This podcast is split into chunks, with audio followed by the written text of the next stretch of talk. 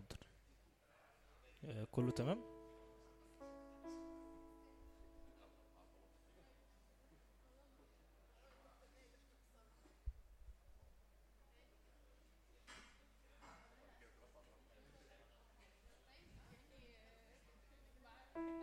يعني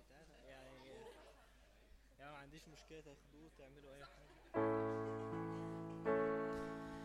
مساء الخير. عاملين إيه؟ تعالوا نبدأ وقت آه، التسبيح بتاعنا. شجعكم نقف. شجعكم نقف كمان مرة. آه،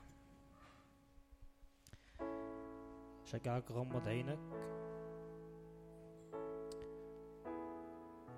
ابدأ طلع تسبيحات وترنيمات من قلبك للسماء. متستناش ترنيمة معينة متستناش التانية اللي بتحبها لكن انطلق في التسبيح ادرك إن أنت دلوقتي قدام العرش. ادرك إن السماء مفتوحة دلوقتي.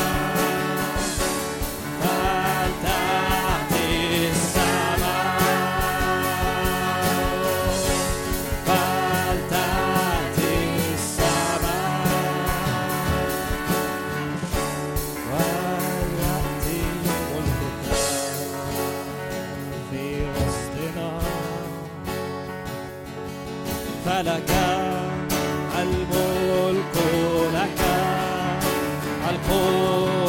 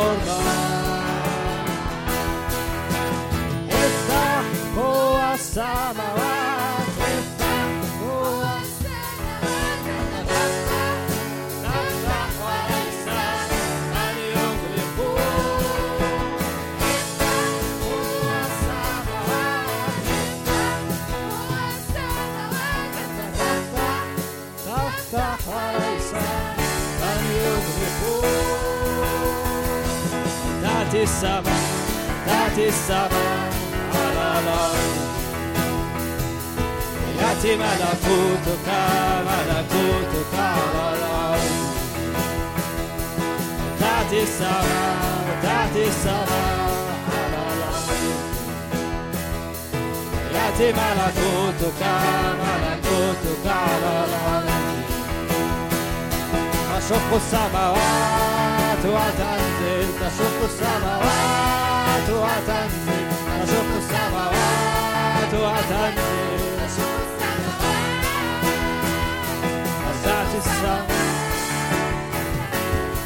السماوات وتنزل تشق السماوات وتنزل وتأتي السماء وتأتي السماء على الأرض يأتي ملكوتك ملكوتك على الأرض تأتي السماء تأتي السماء على الأرض يأتي ملكوتك ملكوتك على الأرض تشق السماوات وتنزل تشق السماوات وتنزل تشق السماوات وتنزل تشق السماوات تشق السماوات وتنزل تشق السماوات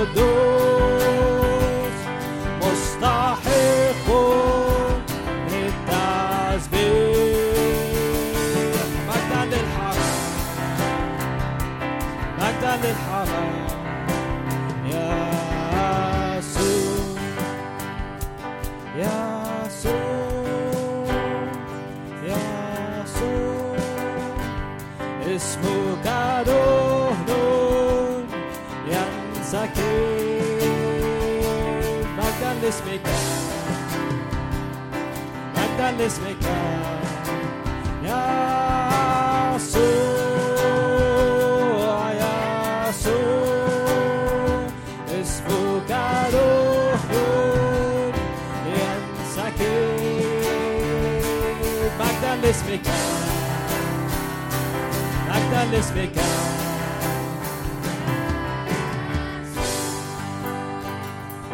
Like the list like the list.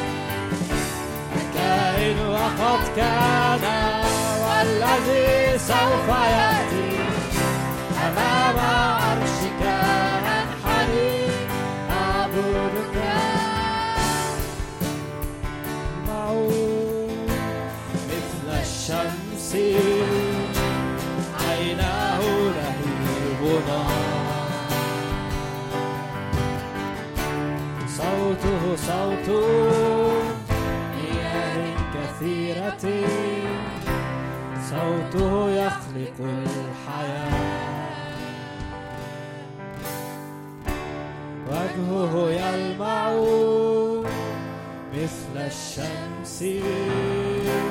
عيناه لهيب نار حول عرشه نار.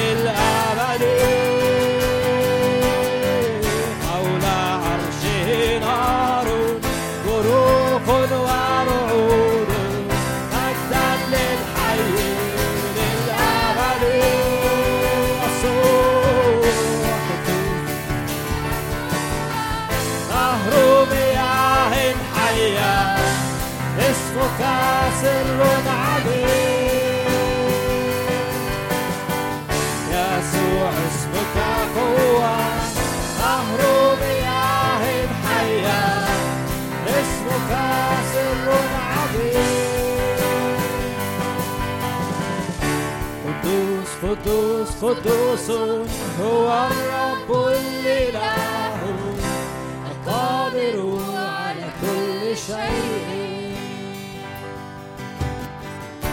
الكائن وقد كان والذي سوف يأتي أمام عرشك أنحني أعبدك قدوس قدوس قدوس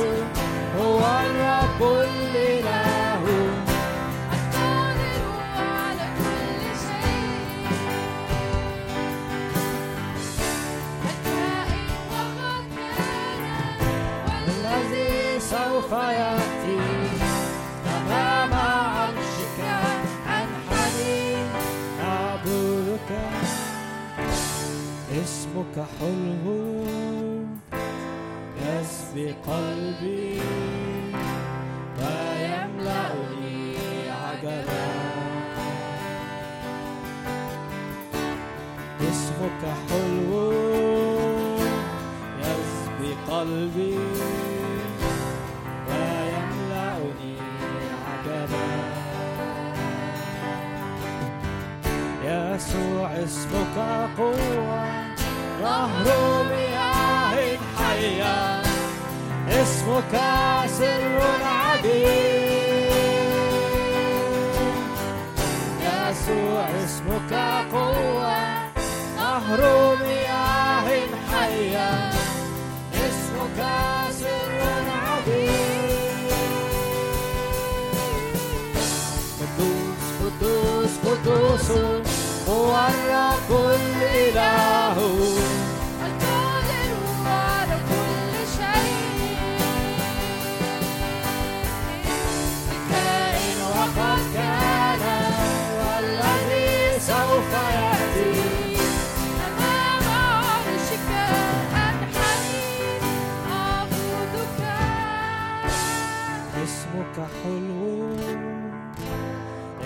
يسبي قلبي ويملأني عجبا. اسمك حلو يسبي قلبي ويملأني عجبا. اسمك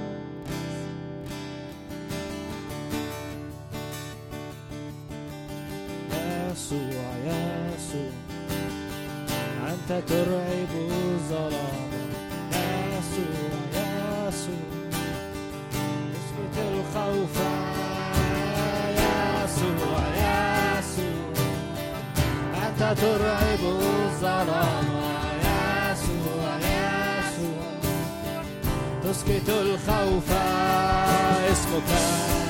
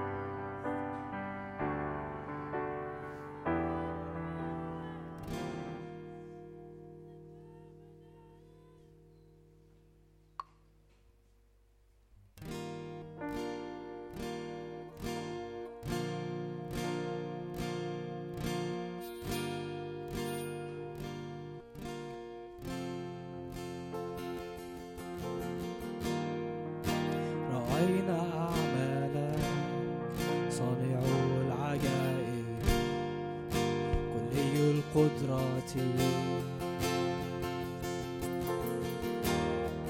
عملك وسط السنين أنت تحيي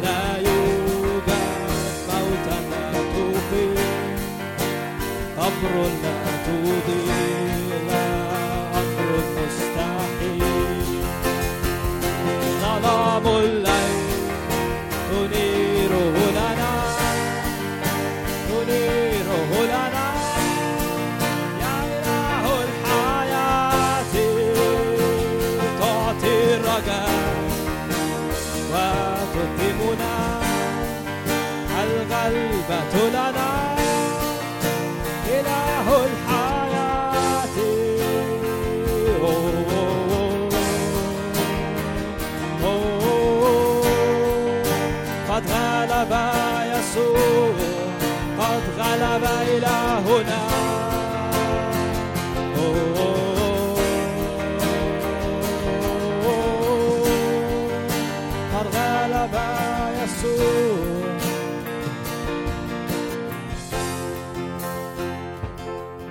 فلك الملك لك القوة لك.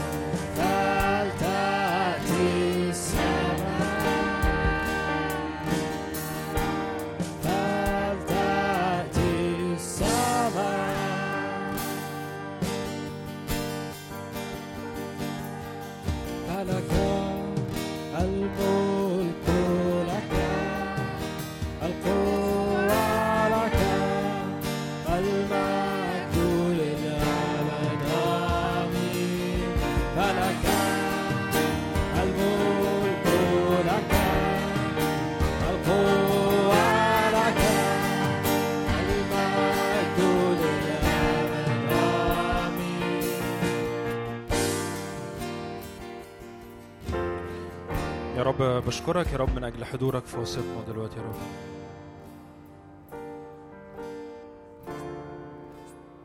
بشكرك يا رب لأنك أنت اللي بتملى المشهد مش أي حاجة تانية. خلينا نقف في الوقت ده كده خلينا نرفع إيدينا مع بعض. ايا كان ايا كان أنت جاي من إيه ايا كان الأحداث اللي أنت جاي منها. الجالس في السماوات يضحك الرب يستهزأ بهم. هيبة رب الجنود تصنع أمر جديد الآن. يا رب بعلن اسمك في المكان دلوقتي. بعلن حضورك في المكان الآن. بعلن سيادة كاملة. يا روح مخافة الرب املأ المكان الآن.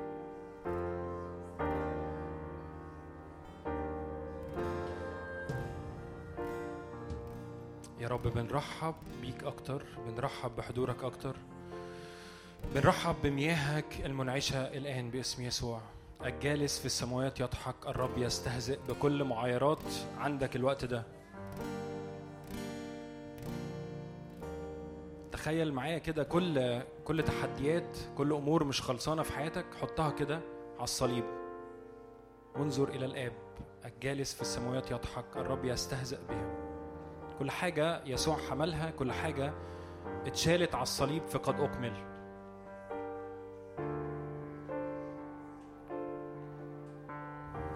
الوقت ده وقت انت حط الحاجات كده. تخيل وانت مغمض عينك في صليب قدامك في يسوع على الصليب. حط حط كل حط كل حاجة. حط خزيك عارك أفكار العالم. كل حاجة كأنها شكلها كانت بت بتحاول تجري وراك الوقت اللي فات علشان تجيبك لورا. لا موت بل حياة. كل انكسار كل انحسار في النفس حطه الآن. قول له ليكن لي. نفسية يسوع. يسوع دفع ثمن ده.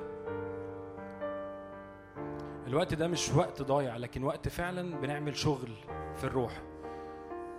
مش ترنيمة حلوة نرنمها ونتعزى لكن انت بتمسك كل أحمالك وتحطها على الصليب دلوقتي.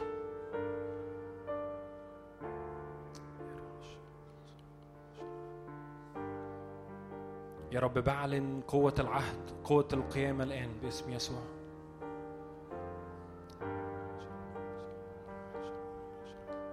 يا رب حياة جديدة يا رب حياة جديدة الآن باسم يسوع حياة جديدة الآن باسم يسوع. يا رب أنا بصلي جوع وعطش يا رب ينفجر الآن باسم يسوع في القاعة دلوقتي باسم يسوع. إلى جوع وعطش يا رب لم يحدث قبل كده على حياة كل الناس كلنا يا رب بما فيهم أنا يا رب أنا بصلي جوع وعطش غير عادي باسم يسوع. املأ يا روح الله املأ فجر ينابيعك الآن. غيرة رب الجنود تصنع أمر جديد. يا رب غيرة جوانا غيرة جوا أرواحنا غيرة جوا نفسيتنا غيرة جوا جسدنا الآن.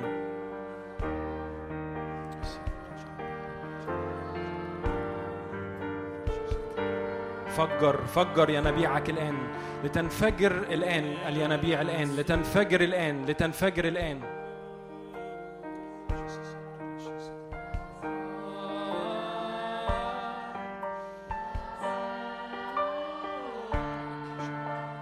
املا المشهد املا المشهد يا روح الله. يا رب أشكرك لأن في قد أكمل كل حاجة خلصانة. يا رب إحنا بنعلن قد أكمل على القاعة كلها دلوقتي باسم يسوع. بنعلن قد أكمل على نفسياتنا على أجسادنا على أرواحنا قد أكمل. حارب بده إعلن ده قول له قد أكمل. أنت دفعت ثمن كل حاجة من أجلي. يا رب أشكرك لأجل دمك لأجل العهد لأجل القوة دلوقتي باسم يسوع.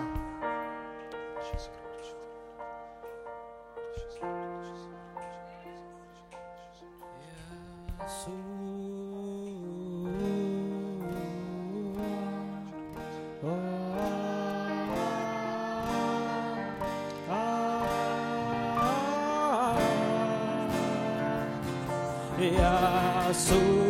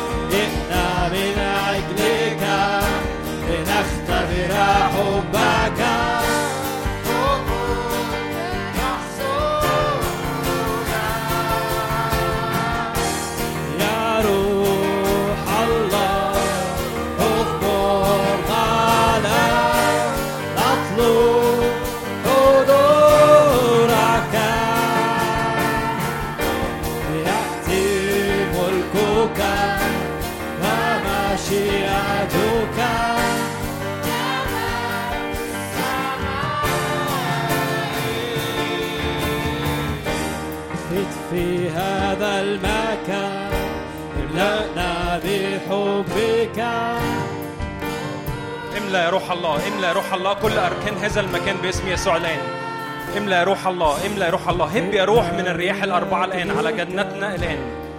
يا رب أنا بشكرك لأجل أوجه الكائنات الأربعة اللي بيتحركوا في القاعة دلوقتي. املى يا روح الله املى يا روح الله. يا رب أنا بتكلم على سماء جديدة وأرض جديدة دلوقتي باسم يسوع. املى املى وفيض املى وفيض يا رب أنا بشكرك لأجل غنى ووفرة في حضورك دلوقتي.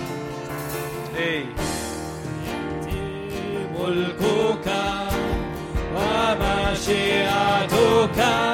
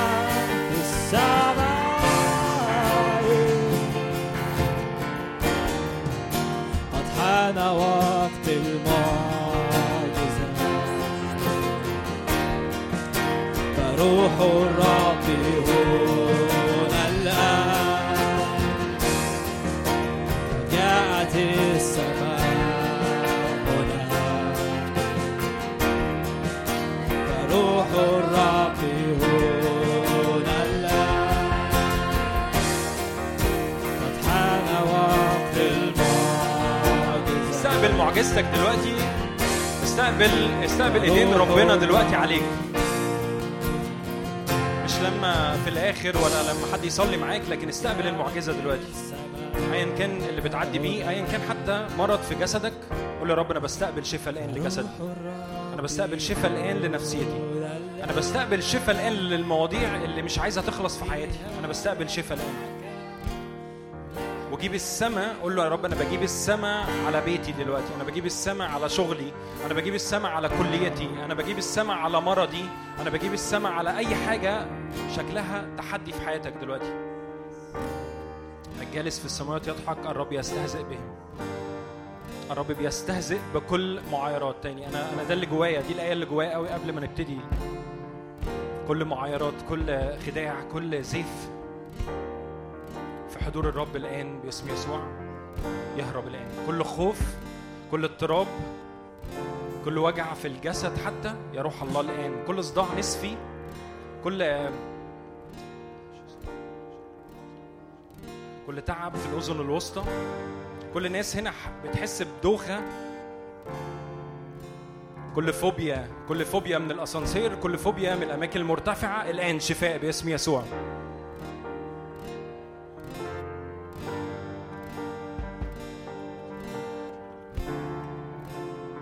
يا رب لتأتي يا روح الله لتأتي السماء الآن. إيه ليهرب كل خوف ليهرب كل خوف الآن باسم يسوع. يا رب بعلن حرية في محضرك الآن بعلن حرية في محضرك الآن.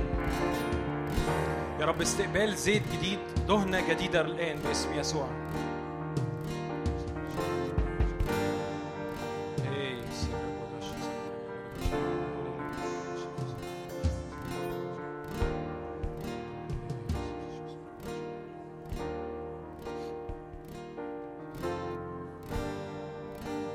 يا رب أشكرك لأجل كل دعوة هنا. صلي للدعوة بتاعتك صلي ل... لكل حاجة الرب كان بيكلمك فيها الوقت اللي فات. واشكره عليها كأني بتحطها قدامك كده وبترفعها وبتقول له يا رب أشكرك من أجل الدعوة من أجل مقاصدك على حياتي. هتقول لي بس أنا لسه مشكلتي مش عارف خلصت ولا لأ. اهتموا بملكوت الله وبر وكلها تزاد. قول يا رب أنا بشكرك لأجل الدعوة بتاعتي. في ناس هنا ربنا دعيها إني تنزل شوارع وتكلم عن يسوع. في ناس هنا ربنا دعيها إني تكون بتعمل أعمال رحمة. في ناس هنا بتتحرك في مستشفيات تقول له يا رب أنا بشكرك من أجل الدعوه بشكرك لأنك بتعدني لأوقات مثل هذا. وفي كل مرة في كل مرة عينك هتملى هتتملي بالدعوة بالمقاصد هتلاقي إني بترجع تدور على مشكلتك ما بتلاقيهاش أصلا.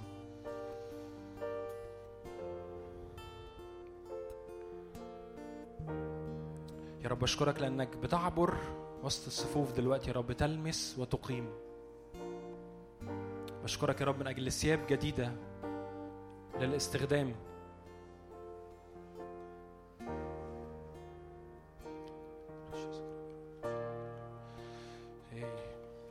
ليرتفع يسوع في وسطينا أكتر. ليرتفع يسوع في وسطينا أكتر.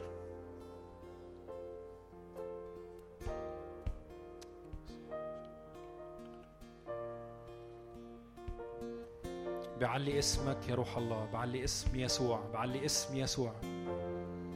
يسوع يسوع. خلينا نردد اسم يسوع كده. يسوع يسوع. يسوع هو اللي بيعبر الأبواب. يسوع هو اللي بيعبر الأبواب.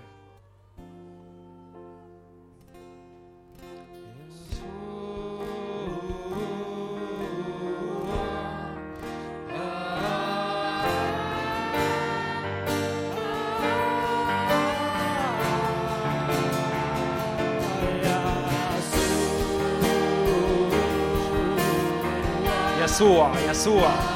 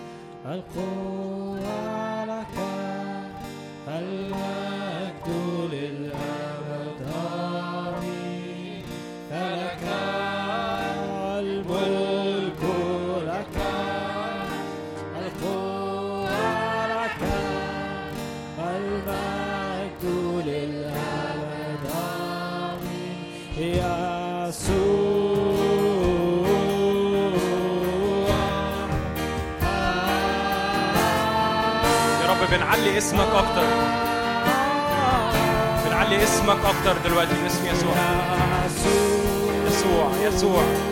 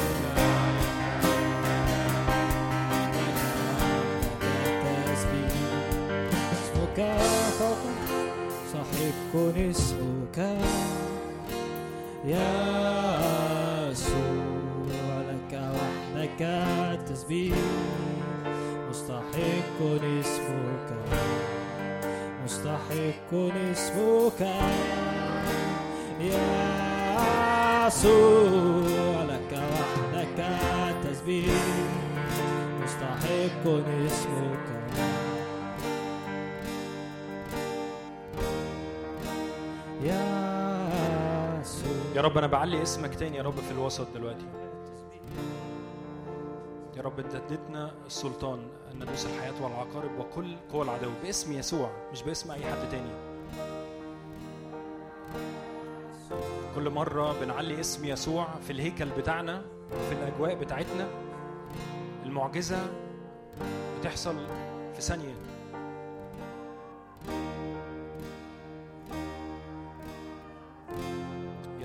يسوع.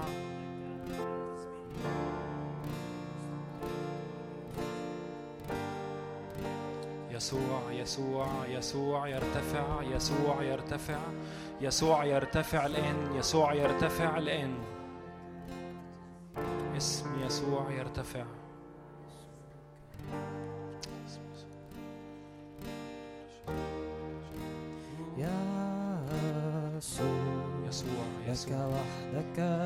التسبيح مستحق اسمك مستحق اسمك يا يسوع لك وحدك التسبيح مستحق اسمك مستحق اسمك يا يسوع لك وحدك التسبيح مستحق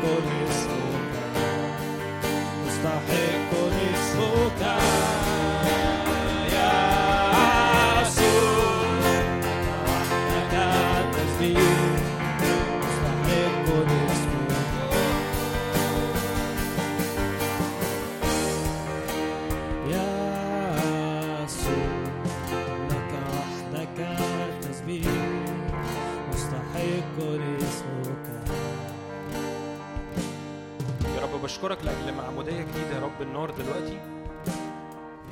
بشكرك يا رب لأجل ملء جديد يا رب الآن. بشكرك من أجل غمر ينادي غمر يا رب علينا. بشكرك يا رب من أجل صوتك يا رب اللي بيحيي ويقيم يا رب. يا رب اشكرك لأجل كل يا رب إعلان جديد يا رب عنك وعن يسوع وعن الروح القدس.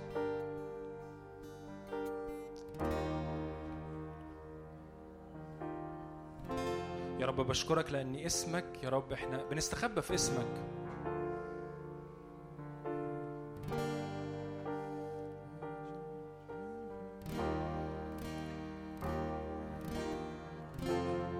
كل كل ما أحاول أصلي صلوات تانية ألاقي اسم يسوع هو اللي عمال يملأ المشهد قدامي.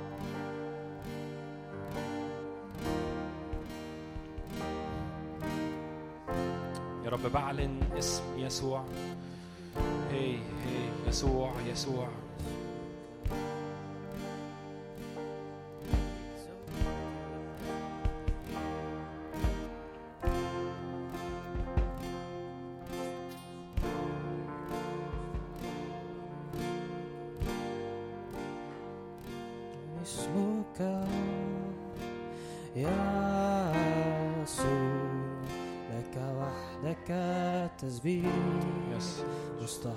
مستحق اسمك.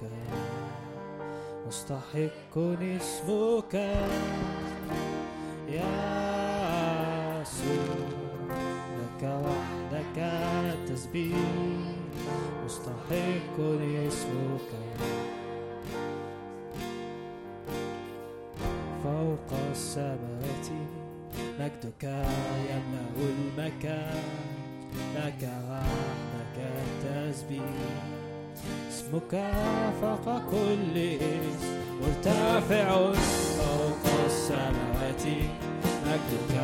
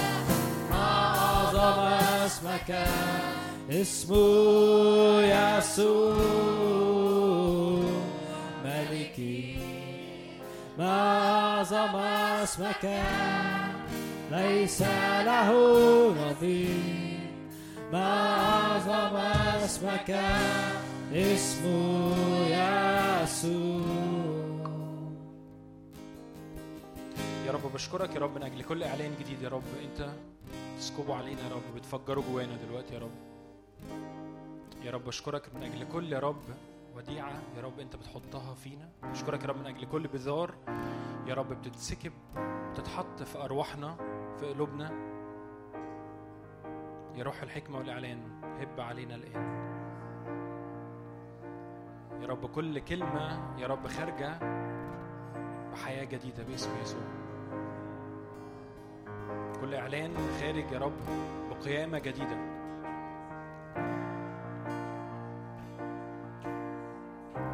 تعالى يا رب املى المشهد تعالى يا رب املى يا رب. من هنا لغاية آخر القاعة تعالى املى يا روح الله القدوس.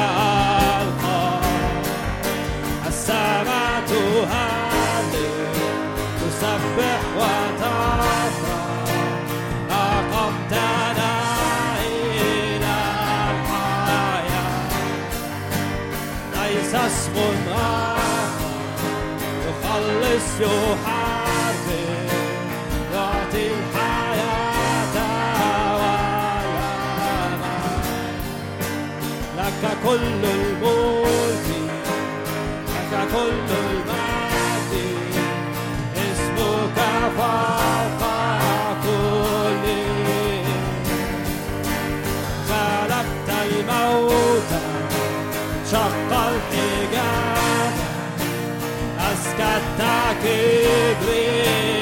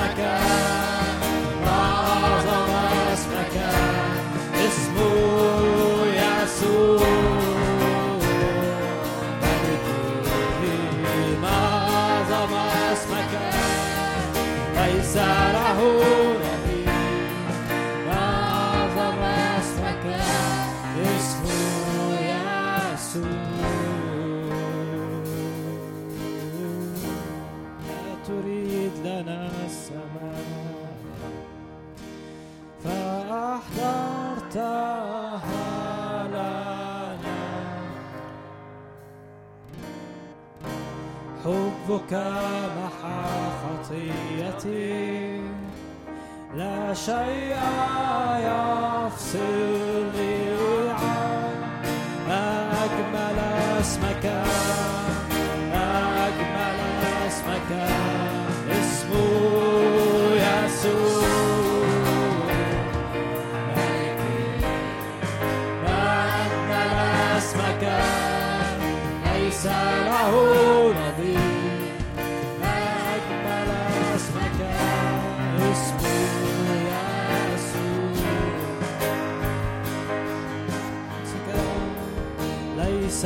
له نظير ما أجمل اسمك اسمه يسوع أعظم اسمك ليس له نظير أعظم اسمك اسمه يسوع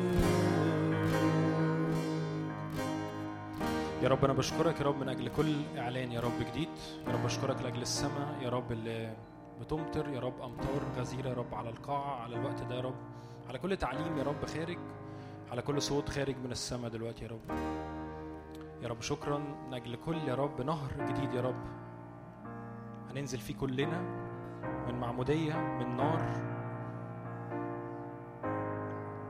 من قوه جديده باسم يسوع امين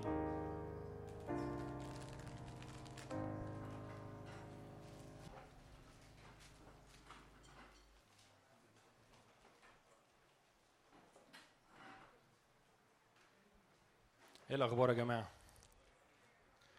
إيه أخبار الكلية؟ مين بدأ؟ عن سؤال ما يتسألش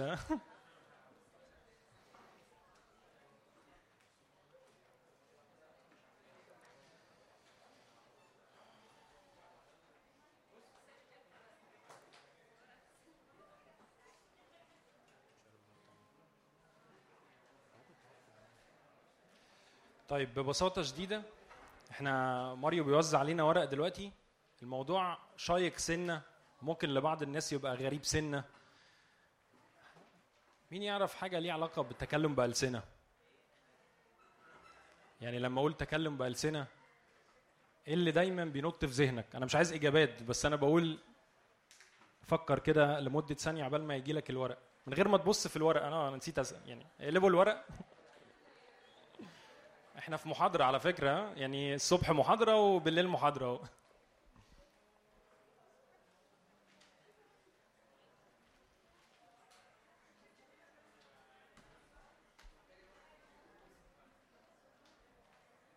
إحنا مش بنتكلم إحنا بنفكر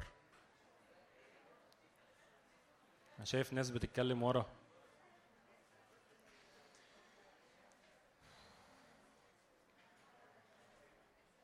شايف وش- وشوش بتبص لي اللي هو إيه أنت بتقول إيه؟ طيب ببساطة شديدة أنا كل اللي جوايا النهاردة وإحنا ماشيين في في سكة من المرة اللي فاتت ليه علاقة بمعمودية الروح القدس وليه علاقة بالملء.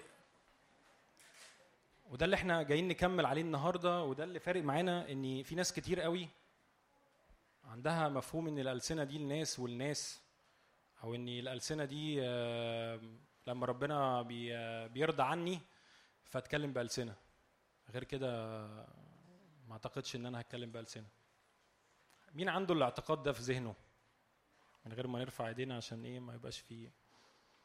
وفي ناس تانية تقول إني لا اصلي آه، الألسنة دي آه، كانت وقت آه، الرسل لكن دلوقتي ما فيش ألسنة. فإحنا دلوقتي الورق ده ليه؟ علشان فيه حاجات آيات كتابية وشواهد. لو جيت في يوم من الأيام حسيت ان فكرة اترمت لك بتقول لك لا مفيش ألسنة أنت هترجع بالحق الكتابي وتقول لابليس في وشه كده لا في ألسنة.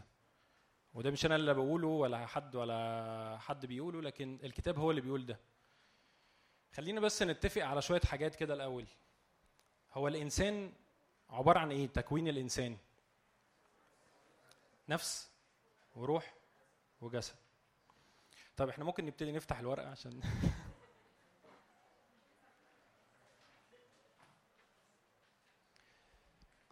واعتقد كلنا متفقين ان ال ال ال ان الجسد ده عبارة عن ال- الهيكل أو عبارة عن الحاجة اللي بيسكن فيها روح الله. حد عنده اعتقاد غير كده؟ طيب إحنا دلوقتي اول حاجة يعني أنتوا هتلاقوني شكلي بقى إيه بشرح شوية حاجات ونبص مع بعض ونرجع نشرح شوية حاجات. بس آه، بس عايزكم تبصوا في الورق كده. وطبعا عشان إحنا إيه؟ حد لسه ما خدش ورق؟ تمام. علشان إحنا ما عندناش لسه هذه الشاشة تشتغل فاحنا قررنا نعمل في الورقة الآيات عشان اللي يقول لي معيش موبايل أو معيش كتاب المقدس فكل الحاجات موجودة. أول حاجة إحنا بنتكلم عن الإنسان. فزي ما أنتوا قلتوا إن هو روح ونفس وجسد. وكاتب هنا إن هي روح ولها نفس وتحيا وتحيا في الجسد. يعني هي جوه الجسد. الآية اللي هي في تسالونيكي 5 23 وإله السلام نفسه يقدسكم بالتمام. وهنا بي- بيأكد إن في ناس تقول لا اصلي لا هو هو أنا بس إنسان روحي ونفسي لكن ما أعرفش الجسد ده ربنا ما بيتكلمش عليه. أو اصلي ربنا ما خلصنيش نفسا وروح وجسد. هي حتة فرعية بس أو جانبية. بس بس هنا ربنا بيتكلم على نفس وروح وجسد.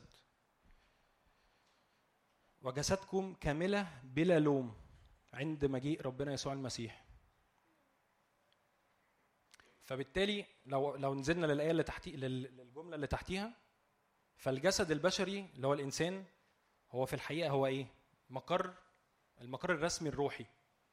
المقر الرسمي إن أنا لما سلمت حياتي روحي سكنت فين؟ روح الله سكن فيا فبقى في إنسان روح جوايا.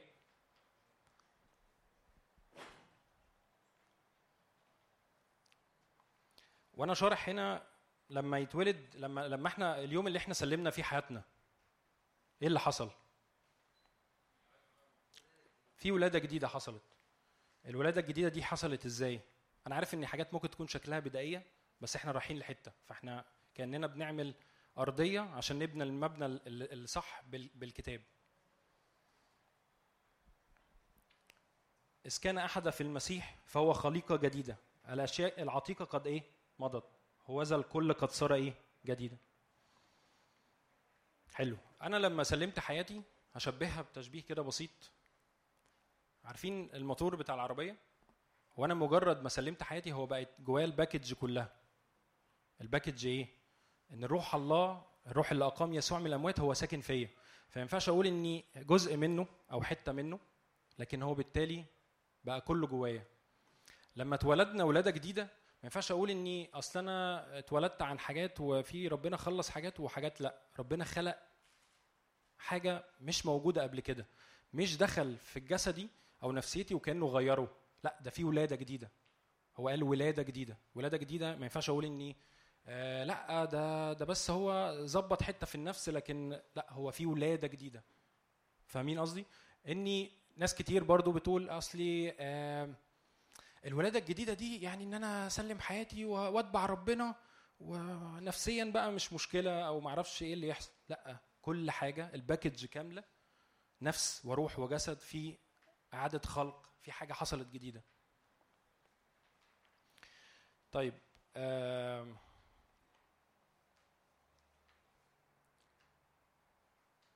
الحتة اللي هي بتاعه الألسنة أنا كاتب حتى بين قوسين لغة الملائكة. مين يعرف إني حبيبي شكرا. كم حد عارف هنا إن هي الألسنة دي لغة الملائكه أنا برضو إيه إحنا كأننا في مناقشة رايحة جاية مش إني بوعظ أنا ماليش في الوعظ. فإحنا بنفكر مع بعض. بن- بنشغل مخنا ان لغة ملائكه إزاي؟ طيب نقرأ الايه الآية أهي. إن كنت أتكلم بألسنة الناس والملائكة. يبقى إيه؟ الكتاب ده ولا أنا إيه يا جماعة؟ كورنثوس إيه؟ كورنثوس الأولى 13 واحد. ممكن احسن تقولوا إن أنا طابع آيات من عندي ممكن ترجعوا للكتاب المقدس وتبصوا فيه. فلما حصل ولادة جديدة بقى في ألسنة جوايا. وهنقول ده قدام برضو عشان بشواهد كتابية. بس قصدي هنا الآية بتقول إيه؟ إن كنت أتكلم بألسنة الناس والملائكة. يبقى بالتالي إن في لغة اللغة دي اتحطت جوايا ليها علاقة بإن أنا بتكلم بنفس اللغة اللي الملائكة بتتكلم بيها وال- واللغة اللي ليها علاقة بال بال بالعرش اللي ليها علاقة بالسماء اللي ليها علاقة بالعالم الروحي ويمكن هكون موضح ده قدام. طيب إحنا هنا هننط بعد كده. أنا عايزكم بس إيه ليه عملنا ورق علشان تبقى بتعلم عشان في حاجات هنرجع لها وفي حاجات تبقى ثوابت كده في ذهنك. هنتكلم على خصائص ال- الخليقة الجديدة. كل ده إحنا بنعمل زي ما قلت لكم حاجة بن بن بنبني حاجة عشان رايحين لحاجة تانية ليها علاقة بالألسنة. وهذه الآيات تتبع المؤمنين. يخرجون الشياطين باسمي ويتكلمون بألسنة جديدة. إيه اللي بيحصل هنا أهو؟ في ألسنة جديدة. ده مجرد ما أنا حصل إيه؟ حصل خليقة جديدة. خليقة جديدة دي اللي هي إحنا قلنا إيه في الأول؟ إن أنا سلمت حياتي إن اتولدت الولادة الجديدة. فهو ما قالش الناس والناس قال لك إيه؟ والآيات ال... وهذه الآيات تتبع المؤمنين كل المؤمنين. يخرجون الشياطين باسمي ويتكلمون بألسنة جديدة. ويحملون حيات وإن شربوا شيئا مميتا. بقية الآية.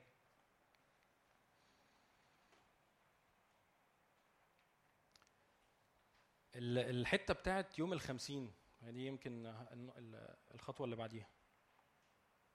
يوم الخمسين إيه اللي حصل؟ حد فاكر؟ هم اتجمعوا بنفس واحدة طالبين إيه؟ الروح القدس. لأن هو قال إن هيبعت المعزي فبالتالي هم داخلين يعني أنا عايزك برضو إحنا بن بنسمع دلوقتي يبقى قول له يا رب أنا عايز جوع وعطش لكل حاجة ليها علاقة بالألسنة ليها علاقة بالتكلم بألسنة ليها علاقة بالموهبة دي ليها علاقة باللي أنت عايز تسكبه النهارده عليا. مش إن أنت بتسمع كلام وخلاص لكن قول له يا رب تعالى جوعني وعطشني لده. زي ما التلاميذ وقفوا في ال... اتجمعوا بنفس واحدة طلبوا ده. مش إني آه، قالوا لأ ده, ده جزء مننا ولا لا؟ كلهم كأن زي إحنا في القاعة دلوقتي بنطلب بنفس واحدة. فحصل إيه بقى؟ هنا طبعا الآية بتاعت يوحنا دي وأن آه، أطلب من الآب يعطيكم معزيا آخر ليمكث معكم. فبالتالي في هو الكتاب بيتكلم على ولما حضر يوم الخمسين كان الجميع معا بنفس واحدة وصار بختة من السماء صوت كهبوب ريح عاصفة. وملأ البيت. يعني هنا في طلب. أوقات كتير قوي بنبقى حاسين إني آه، ما هو ربنا بقى عايز يعمل حاجة يعملها هو لا في جزء كبير قوي إحنا محتاجين نطلب. محتاجين نجوع ونعطش. التلاميذ محدش قال لهم ولا كان في مايكات ولا تسبيح ولا ما كانش في أي ده.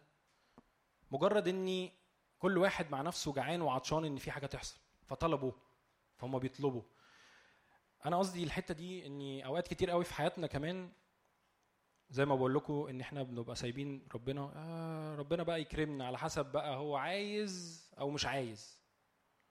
لا دي كدبة رهيبة. أنا كل ما أطلب كل ما في سكيب هينزل كل ما أطلب وكل ما أغير كل ما في نار هتنزل أكتر للاستخدام للقوة للمشكلة اللي عندي اللي أنا مش عارف أحلها.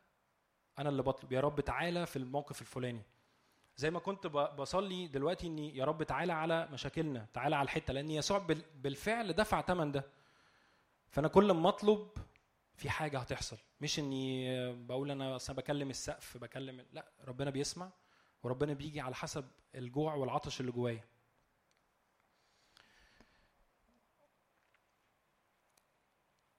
آه، معا نفس واحدة وصار بختة من السماء صوت ك- كما من هبوب ريح عاصفة وملأ كل البيت.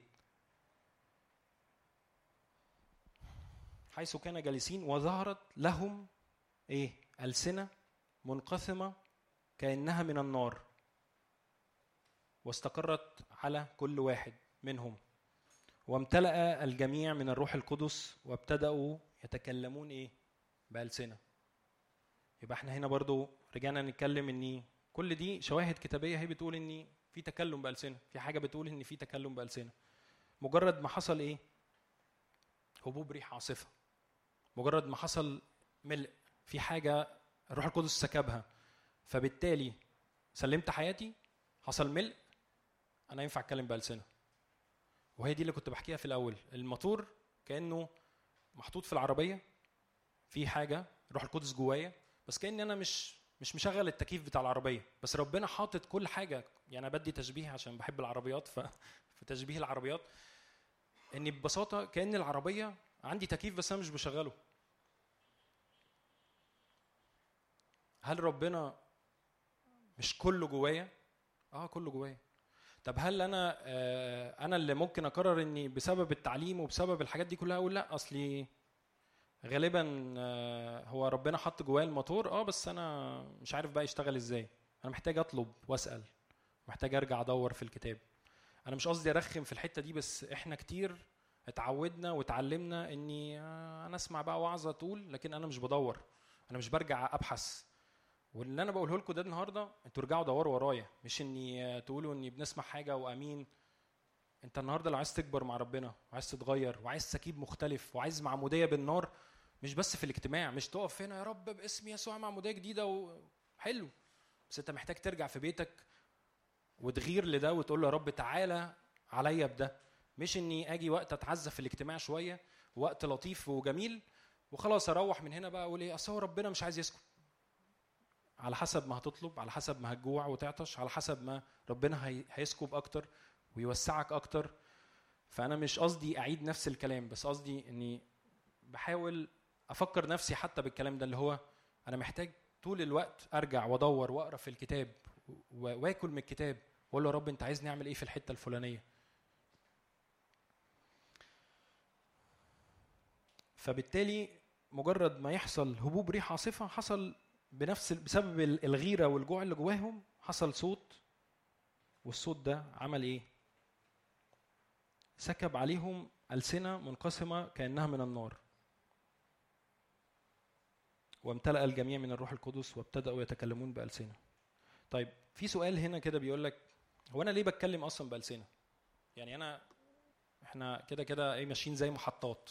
المحطة الأولى النفس والروح والجسد وبعد كده نقلنا الخليقة الجديدة وإن إزاي أنا براجع معاكم عشان لو حد تاه. بعد كده برجع آه، لما لما سلمت حياتي إيه اللي حصل والولادة الجديدة والحتة دي. طيب حلو. اللي أنت بتقوله ده كويس. طيب وسلمت حياتي وأنا بتكلم بألسنة. في البعض مننا بيتكلم بألسنة. طب أعمل إيه بقى بالألسنة دي؟ أنا مش عارف. آه كتير برضو مفهومنا عن الألسنة إن الوقت اللي أنا هبقى متعزي فيه أو الوقت اللي أنا فيه جوه اجتماع فأصلي آه، شوية ألسنة ويا رب أنا مصدق إن في حاجة بتحصل. لكن مش عارف أصلا الألسنة دي بتعمل إيه. مش عارف قوتها. مش عارف هل هي ليها تأثير ولا أنا بصلي صلوة أو بصلي بألسنة وأنا مش فاهم أصلا إيه اللي بيحصل. فإحنا هنا الكتاب جاي بالآيات دي بقى وهنفصصها واحدة واحدة. ف...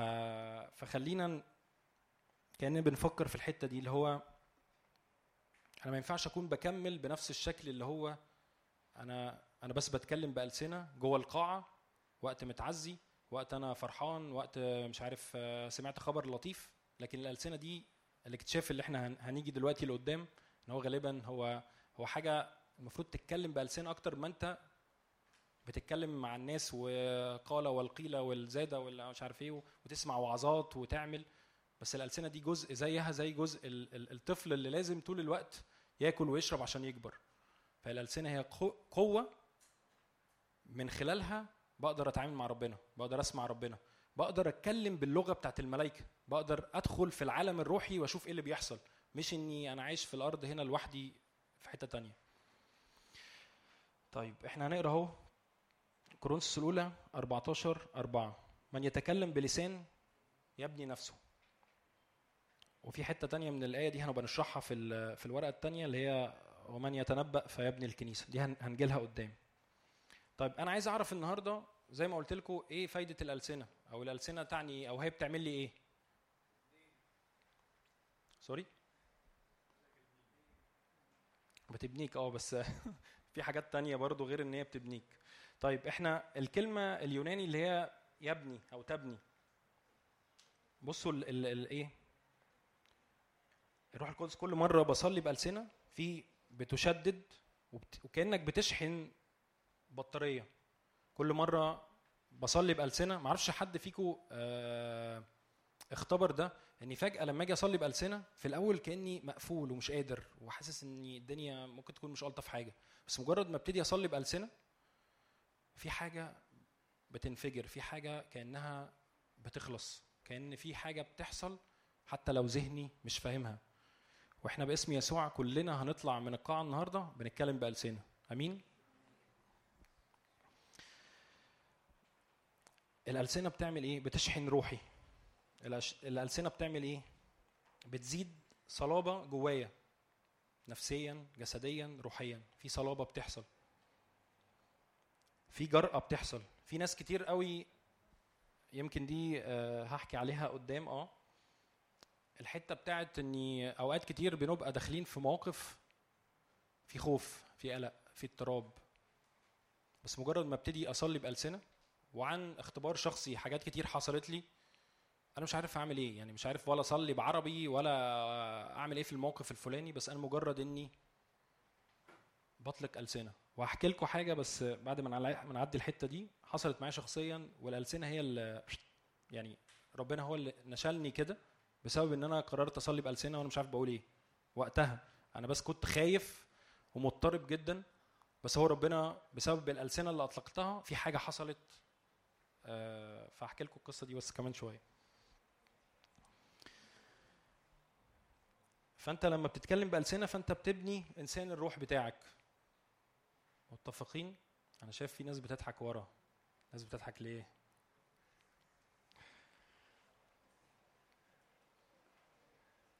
طيب في يهوذا 20 دي بيقول لك إيه؟ واما أنتم أيها الأحباء فابنوا أنفسكم على إيمانكم الأقدس مصلين في الروح القدس. مصلين في الروح القدس. ما أعرفش تسمع كلمة ك- كتير بتتقال من حد على المنبر يقول لك إيه؟ صلي بالروح. صلي ب... في ناس تقول لك أنا بصلي بالروح يعني أغمض عيني وأسكت. مش دي يا جماعة يعني مش هو ده. فأنا أنا شخصيا قبل ما أصلي بألسنة كنت دايما فاهم إن أنا كده كأن يعني روحي شايف العرش؟ وعمال مم، معرفش بزنق بحزق ليه؟ معرفش. بس أنا متخيل إن أنا كده خلاص أنا كده في الروح. يعني أمين يعني ما فيش مشكلة. بس بس جزء منه لو رجعت للأصل الكلمة من يصلي؟ أنت بتصلي بألسنة. من يصلي بالروح فهو يبني نفسه. ودي الحتة اللي كنت بحكي عليها اللي هو من يت... يعني اللي, بيتكلم بألسنة في موقف حصل لي في يوم من الأيام آه، جوايا أحكيه لكم يعني. كنت آه، وقت الخطوبة آه، 2000 و 2013 حاجة زي كده. وماشي بالعربية وفجأة حصل موقف إني فجأة ما أعرفش لقيت واحد نط لي قدام العربية فجأة وفجأة آه رجلي ومش عارف إيه. أنا ما أعرفش جاي منين حرفيا ما أعرفش جاي منين. وأنا كنت شايف كويس جدا أنا ماشي ما فيش ولا مثلا شارع يطلع منه ولا حتة يطلع منها ما أعرفش. وفجأة رمى نفسه تحت العربية والناس اتلمت ومش عارف إيه. وأنا سلام رهيب ما أعرفش جايبه منين. وكل اللي جوايا إني أنا فاكر الراجل حقيقي يعني مش في دماغي خالص إن هو ممكن يكون بينصب أو بيعمل موقف مش حقيقي.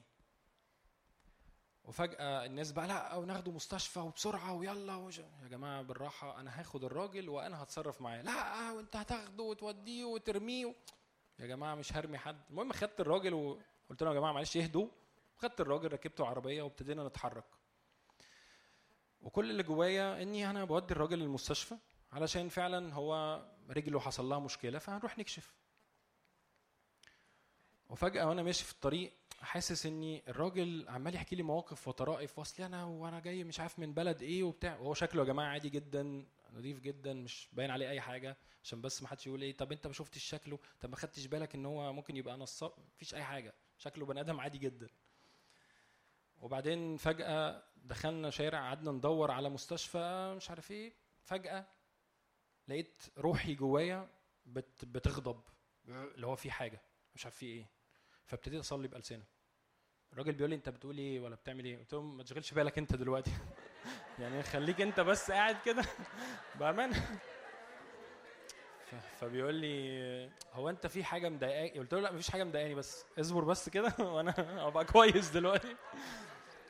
فابتديت اصلي ابتديت اصلي بألسنة وفجأة طلعت جوايا كلمة قد أكمل. فقلت قد أكمل. أنا ما أعرفش وقتها الألسنة اللي كنت بصليها في ترجمة طبعا للألسنة بيبقى وهنحكي ده قدام بس قصدي أنا ما كانش كل اللي جوايا غير إني قد أكمل. وفجأة جه جوايا مشهد إني لازم الراجل ده ينزل وهينزل وابتدت الترجمة تحصل من خلال المشهد ده اللي هو إيه؟ إن ربنا قال لي وأنا سايق وهو جنبي وعمال يتكلم إني هتقابل قهوة على إيدك اليمين هتقف عندها وتنزل الراجل ده بسلطان تقول له انزل فهينزل.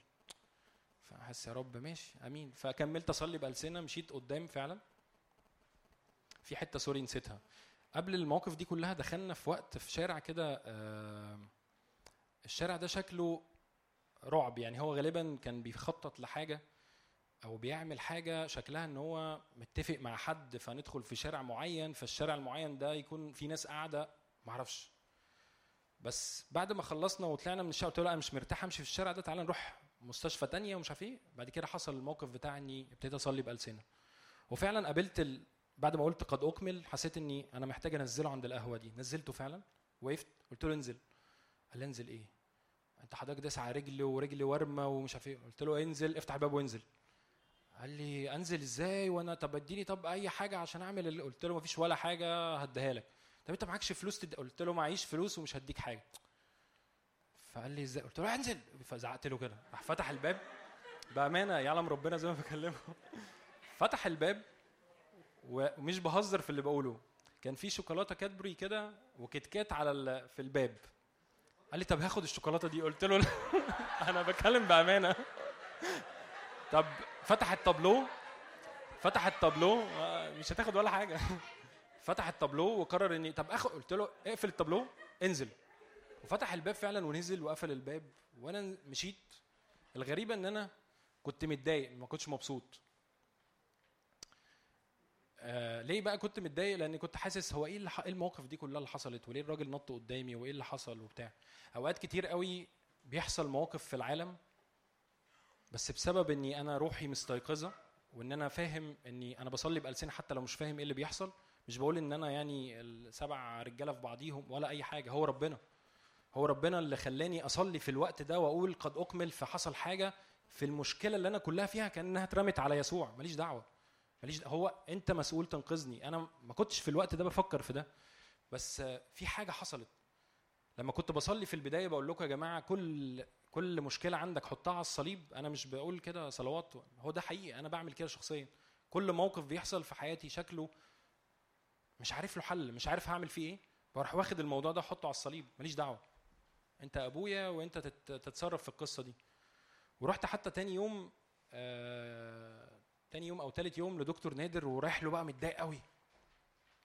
أنا حصل كذا وكذا وكذا وازاي ومش إزاي وفين الحماية وليه ادخل من الأول في القصة. هو الراجل كل اللي عمله غمض عينه كده وسكت شوية فتح عينه قال لي انت عارف ان الشارع اللي انت دخل هو ما يعرفش حاجة بس أنا بقول ده علشان قال لي أنت عارف الشارع اللي أنت دخلته؟ يعني ما حكيتلوش ولا شارع ولا أي حاجة. قلت له ده في واحد قرر ي... ي... يعني يتبلى عليا ويقول إن أنا خبطته. وأنا مش عارف إيه اللي حصل. وقعد يسألني في فلوس وأنا كدبت عليه وما اديتوش فلوس. فأنا حاسس بالذنب حاسس إن أنا كدبت عليه. آه، كانت مشاكل كتير كده جوايا. وكأن إبليس رمى المعجزة اللي حصلت. كأن شالها ورماها ورمى عليها تراب وإن كأن مفيش حاجة. فأنا رايح أتخانق في إني إزاي الراجل اللي مش عارف إيه فين الحماية؟ وناسي المعجزة الحقيقية.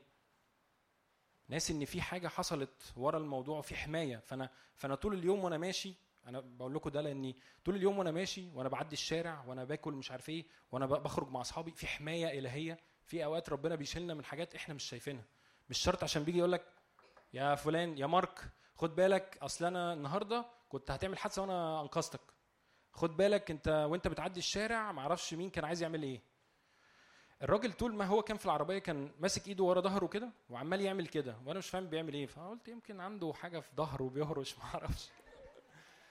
واللي حصل إن ده كان حاجة شقلبت حياتي جدا إن دكتور نادر قال لي الراجل ده كان بيعمل حاجة ورا ظهره والحاجة دي هو كان معاه مطوة وكان بالكامل متلجم مش عارف يعمل إيه وبيحاول يفتح معاك مواضيع. دكتور نادر ما شافش الموقف.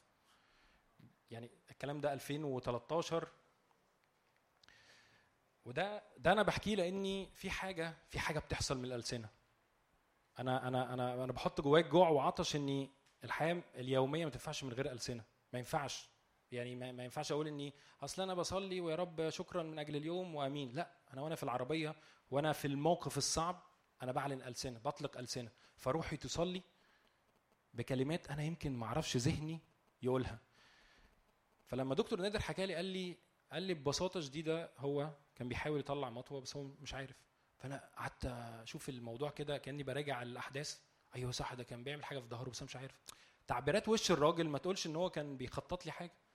بس اللي حصل إن ربنا لجمه ونزل وما خدش مني حاجة. حتى أنا مش بهزر في الموضوع ده حتى الشوكولاتة اللي شكلها حاجة بسيطة. ما ينفعش يسلب مني حاجة. ولما دكتور نادر بكلم معاه قال لي حتى فلوسك مش بتاعته. يعني فلوسك ما ينفعش تروح له. يعني يعني في فرق بين إن أنا أدي حاجة بمزاجي وفي فرق بين إن أنا تسلب مني حاجة غصب عني ويتلوي دراعي إني لأ هو قرر يترمي قدامي ويعمل موقف ويعمل حفرة وهو اللي وقع فيها. بالمناسبه هو رجله ورمت في الآخر على فكرة. والموقف اللي هو عامله كله ده إيه؟ هو بيحفر حفرة. إن كان بقى إبليس بيستخدم الناس اللي حوالينا بيستخدم حاجة بيستخدم العالم. بس بس ربنا ليه كلمة تانية وليه مشهد تاني. ده كله بسبب إيه؟ إني إطلاق ألسنة والألسنة دي ترجمتها قد اكمل وحتى أنا بقول لكم وقتها ولا كان عندي إيمان ولا فاهم حاجة ولا شايف حاجة ولا حاسس بحاجة ولا أي حاجة بس مجرد ما ابتديت أصلي بألسنة وربنا حط جوايا كلمة قد اكمل حسيت إن أنا فعلا دخلت جوه المعجزة. بعد ما طلعت ودكتور نادر شرح لي طبعا لأني زي ما قلت لكم كأن إبليس رمى تراب على المعجزة. وروحت اليوم ده من عند دكتور نادر حسيت عمال حرفيا قاعد في العربية بعيط. يا رب إزاي أنت كده؟ إزاي أنت فارق معاك إن التفاصيل الصغيرة والكبيرة وفارق معاك إن أنا وأنا ماشي محدش يجي يمسني ولا شعرة مني ولا حاجة تحصل لي؟ أنا بقول لكم ده ولا أنا كنت أعرف يعني لسه معرفتي بربنا قريبة ولا أنا بقعد في السماء 14 ساعة فوق ومفيش أي حاجة. يعني ده بالتالي لأي حد فينا مش لأني أنا كنت زيادة عن الناس ولا أي حاجة.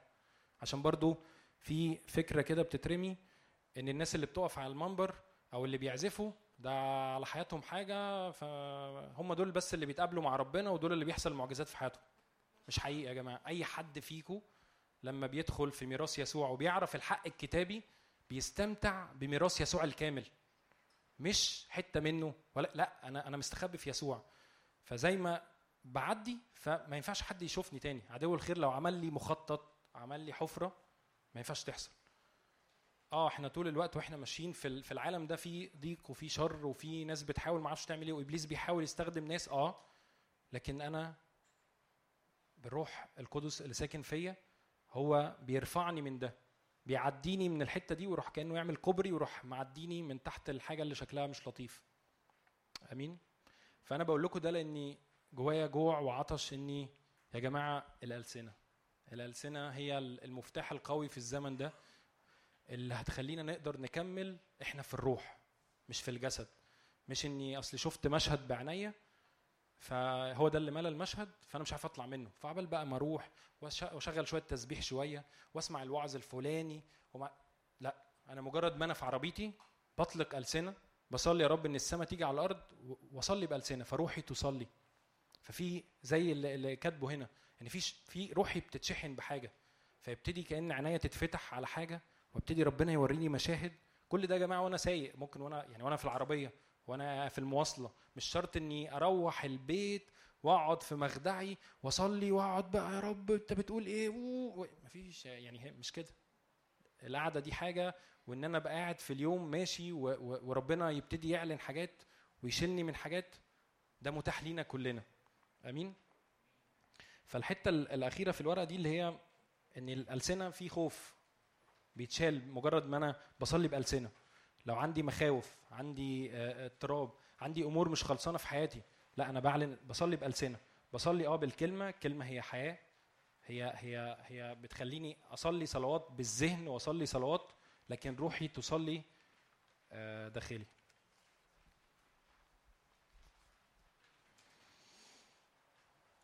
ودي حتة ليها علاقة بإن إيه؟ إن الله لم يعطينا روح الفشل بل روح القوة والمحبة والنصرة. أنا ك- كاتب شوية حاجات والحاجات دي يمكن آه، مش مش من يعني مش أنا اللي بس بقولها لكن أنا في كتاب قريته ليه علاقة بقوة الألسنة ودي في حاجات كتيرة قوي واخدها من الكتاب ده. يعني أنا مش بقول لكم ده بكامل أنا اللي عامله عشان بس ما تفتكروش بس أنا خدت حاجات من الكتاب ده وربنا قال لي حاجات و... فكان من ضمن الحاجات اللي الكتاب بيتكلم عليها دي هو كتاب اسمه قوة الألسنة. لو حد يرجع يدور عليه ويبص عليه ويقراه هو كتاب مش كبير 15 ورقة.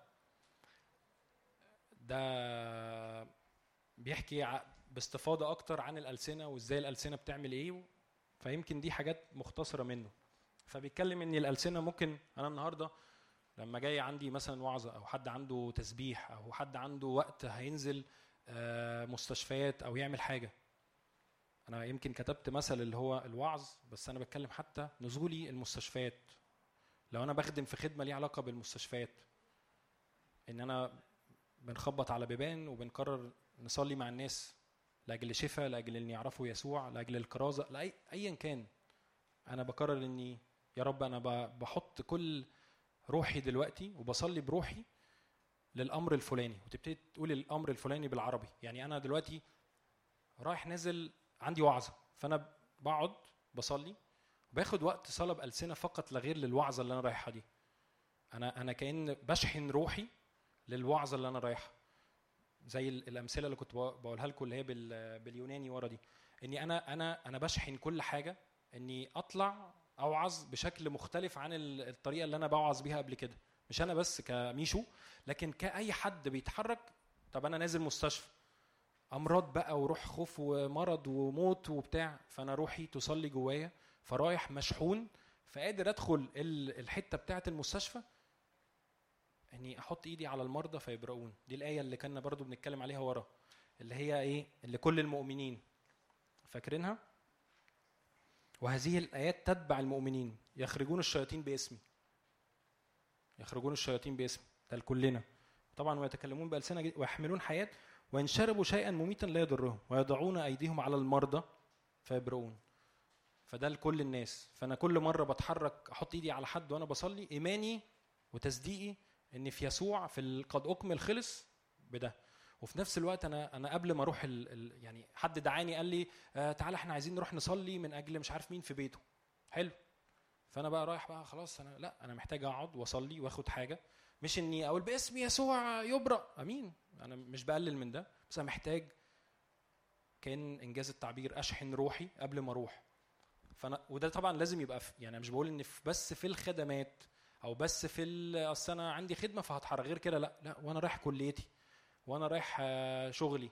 ما فيش أي حاجة. يعني أنا مش رايح مثلا أصلي لحد عيان ولا عندي وعظة. بس أنا برضو بشحن روحي فاروح الكلية بشكل مختلف. فابقى أنا فوق الأحداث بتاعت الكلية. أنا أبقى فوق الأحداث بتاعت إني بعمل حاجة في مصلحة حكومية. فأنا داخل لا أنا أنا في حتة تانية خالص. الدنيا تقلب. لو داخل مرور مثلا المرور لو حد يعرف المرور ده تحس الدنيا إيه كله بينط وشقلباظات وحركات. لا أنا يعني تحس أنت داخل حرب. لا أنا بقرر إني يا رب أنا هصلي بألسنة قبل ما أروح. الناس تقعد في المرور من من الساعة مش عارف آه، 7 الصبح يروحوا عشان يحجزوا مكان لو حد عنده عربية وعارف الكلام ده يروح الساعة 3 4 الظهر. لا أنا هروح الساعة 12 الساعة واحدة وربع كنت مخلص العربية. ماليش دعوة أنا ده- ده داخل كده كأني ما يعني مش مش عارف بس أنا مصدق إني في حاجة هتحصل. أنا مش بقول إني مش بقول إن أنا برضو عشان شاطر مش ولا أي حاجة. هو بصلي قبل ما أنزل يا رب أنا بصلي إن حركة من ملائكتك تسبقني في كل حاجة بعملها وأصلي بألسنة. فأنا بصلي للمرور وأبتدي أصلي ألسنة للمرور. فأبتدي أصلي بروحي إني يا رب أنت تدبر كل الأمور. فأدخل ألاقي أنا بقول لكم القصص دي حقيقية بأمانة مش مش بقول لكم حاجات كده. أدخل ألاقي الشبابيك كلها يعني هو حوالي خمس شبابيك. وفي شباك فاضي. فأنا حتى افتكرته إن هو في حاجة مشكلة. فبقول له هو أنت شغال؟ قال لي آه. قلت له أمال هي ليه الزحمة دي؟ كأن ربنا بأمانة مش باظ هو مرتب إن أنا أدخل في المكان ده. فدخلت قلت له طب أنا عايز أجدد الرخصة وأدي الورق وأدي آه مش عارف إيه. طب روح ادفع في الخزنة كذا وتعالى. رحت أدفع في الخزنة اللي هي مش عارف هتقفل كمان نص ساعة. رحت دفعت فيها لقيت الطابور هادي برضو تك تك. مع إني مرور يعني حرب ده ليه؟ عشان أنا مصلي مصلي قبل ما أروح مصلي مغطي يومي مغطي ان الأحداث كلها تكون بتمشي معايا مش بتمشي ضدي. حد بيحس ان أوقات يروح حتة يحس إن كل حاجة ضده؟ يحس إني هو الراجل ده مستقصدني؟ هو الست دي مش طايقاني ليه؟ هو كله أروح مدخله في يسوع وأطلق صلاة بألسنة قبل ما أروح. آمين؟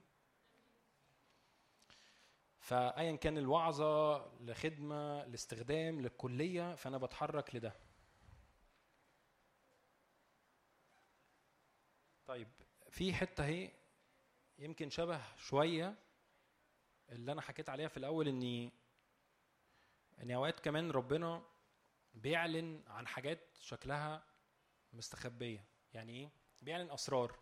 والأسرار دي عادة ما بتعلنش أو ما عارفين؟ يعني زي أنا دلوقتي لو صاحب رامي لو أنا ما بقعدش مع رامي كتير فغالبا أنا مش هبقى عارف أصلا يعني مش هبقى فاهم هو بيفكر إزاي. مش هبقى فاهم هو بيخطط ليه مش هبقى فاهم إن هو بكرة هيبقى فيه إيه مش فاهم حاجة عنه. مجرد إن أنا عارف أصل أنا يا جماعة صاحب رامي وأنا ما أعرفش عنه حاجة. إحنا كتير بنقول إن إحنا نعرف ربنا وإحنا مؤمنين بس إحنا غالبا مش عارفين ربنا. مش بقول إن في معرفة كاملة أكيد إحنا كل يوم بنزداد في المعرفة في المعرفة في المعرفة. بس قصدي إني أنا محتاج أتصاحب على روح القدس محتاج أتصاحب على يسوع محتاج أتصاحب على ابا الآب. محتاج اتصاحب عليه. فكل مرة بميل وداني أنا بقدر أسمع إعلان جديد من خلال بميل وداني فقادر أسمع صوته. فيقول لي إيه واحد يقول لك أصل أنا سمعت صوت ربنا. هي سمعته إزاي يعني؟ مش فاهم. حد قال لك حاجة في ودنك؟ مش فاهم إيه. أنا قادر أسمعه لأني خلاص بقت في انطباعات بتت... مجرد ما بدخل وأقعد قدام ربنا في حاجة بتحصل بت... بتملى المشهد عندي. فأنا كل مرة بدخل قدام ربنا برضو باخد وقت بصلاه بالسنه لأجل إعلانات جديدة لأجل حاجات في أسرار حاجة بقى ليها علاقة بالدعوة بتاعتي أو ليها علاقة بالحتة اللي أنا همشي فيها. فتلاقي ربنا بيعلن لك حاجات بي بيساعدك في حاجات بيقول لك إني طب اعمل كذا بيديك أفكار بيديك إني روح الحتة الفلانية قبل الحتة الفلانية آه، اعمل كذا في الخدمة قبل ما تعمل كذا. فاهمين قصدي؟ فأنا بسبب اتصالي بيه المستمر وبسبب إن أنا بشحن طول الوقت روحي فأنا خلاص بقيت عارف أجيب عارفين ال- الراديو؟ لما أجيب الموجة بتاعت مثلا آه، 100.6 مش عارف إيه دي اللي هي نجوم إف إم بجيبها إزاي؟ بقعد أظبط الموجة عشان أسمع ال ال ال القناة دي بتقول إيه. هي كأنها كده أنا بظبط روحي من خلال الألسنة عشان أسمع صوت السماء بتقول إيه. أسمع أن ربنا بيميل ودانه وبيقول إيه في الموقف الفلاني. ففي أسرار في حاجات ربنا بيعلنها. وفي خطط أهو كاتب حتى ربنا بيدي أوقات خطط وبيدي آه، حاجات لعيلتي وأفكار لعيلتي وأفكار لو في مننا ناس آه، أهاليهم لسه مش مؤمنين.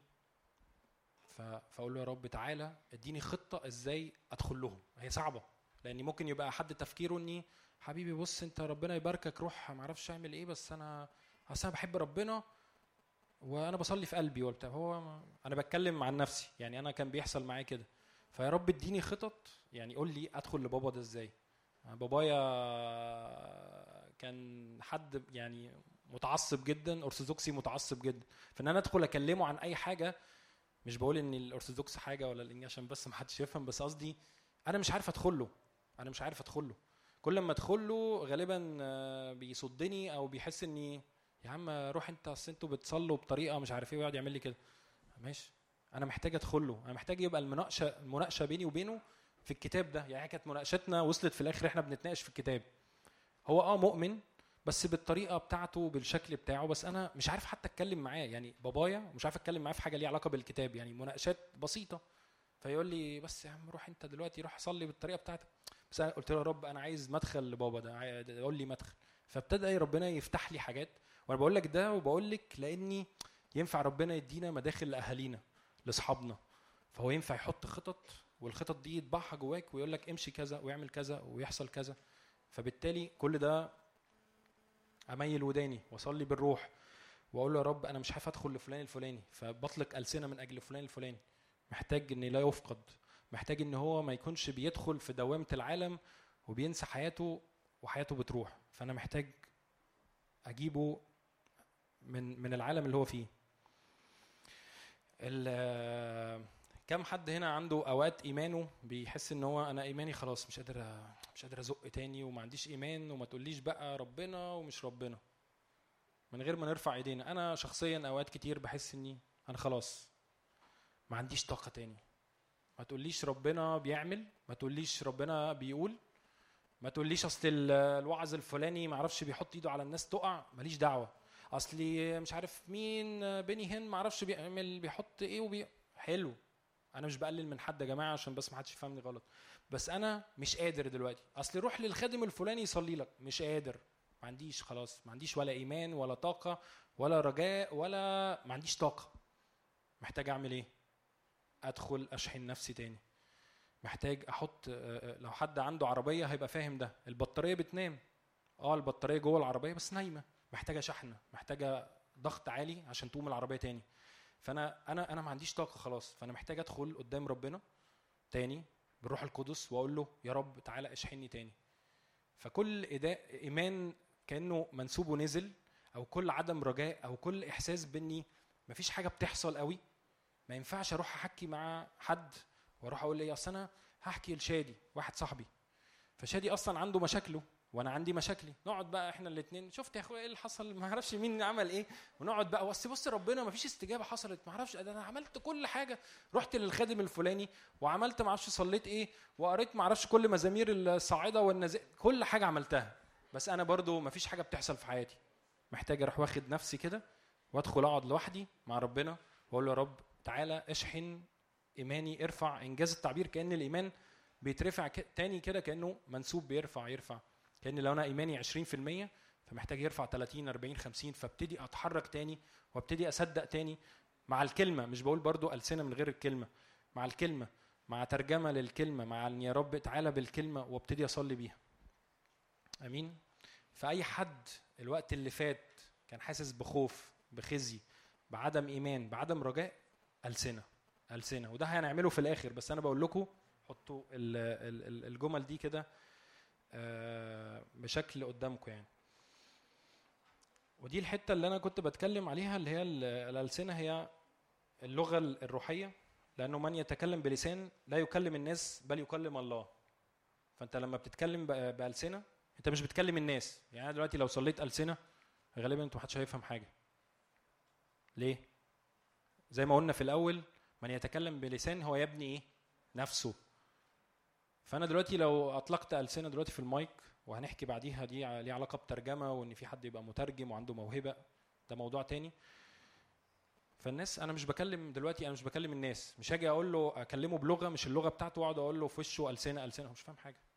فأنا بكلم الله لأن ليس أحد يسمع. ولكنه بالروح يتكلم بأسرار. زي ما كنا بنحكي في الأول إن في أسرار بتعلن من خلال الألسنة. فأنا كل مرة ب- بطلق ألسنة كل مرة مش بكلم الناس أنا بكلم الله والله بيعلن عن أسرار. كاتب هنا التواصل مع العالم الروحي يحتاج إلى إيه؟ اللغة اللغة الروحية اللي هي ال- اللغة اللي هي ال- الألسنة اللغة السماوية لغه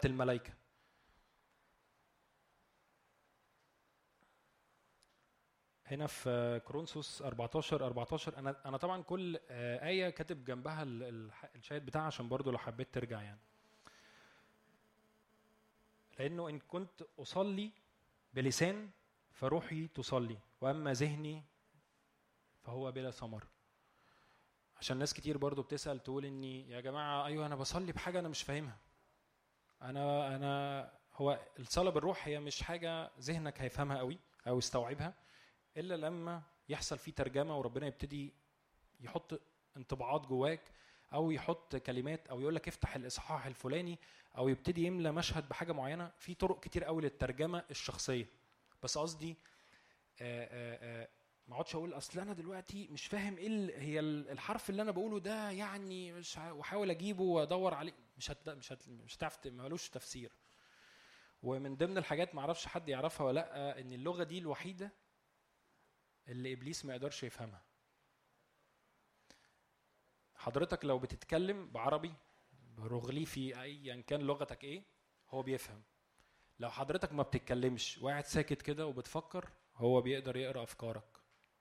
لكن الحاجة الوحيدة اللي ما يقدرش يفهمها ولا يعرف أنت بتعمل إيه ولا بتصلي بإيه هي الألسنة.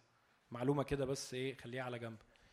فأي حد آه، آه، مش اوقات كتير إيه تحس إني إيه ده أنا بفكر في حاجة وتلاقي الأفكار عمالة أنت ما اتكلمتش مع حد بس تلاقي الأفكار عمالة تتضاعف إلى ال- الأسوأ فالأسوأ فالأسوأ.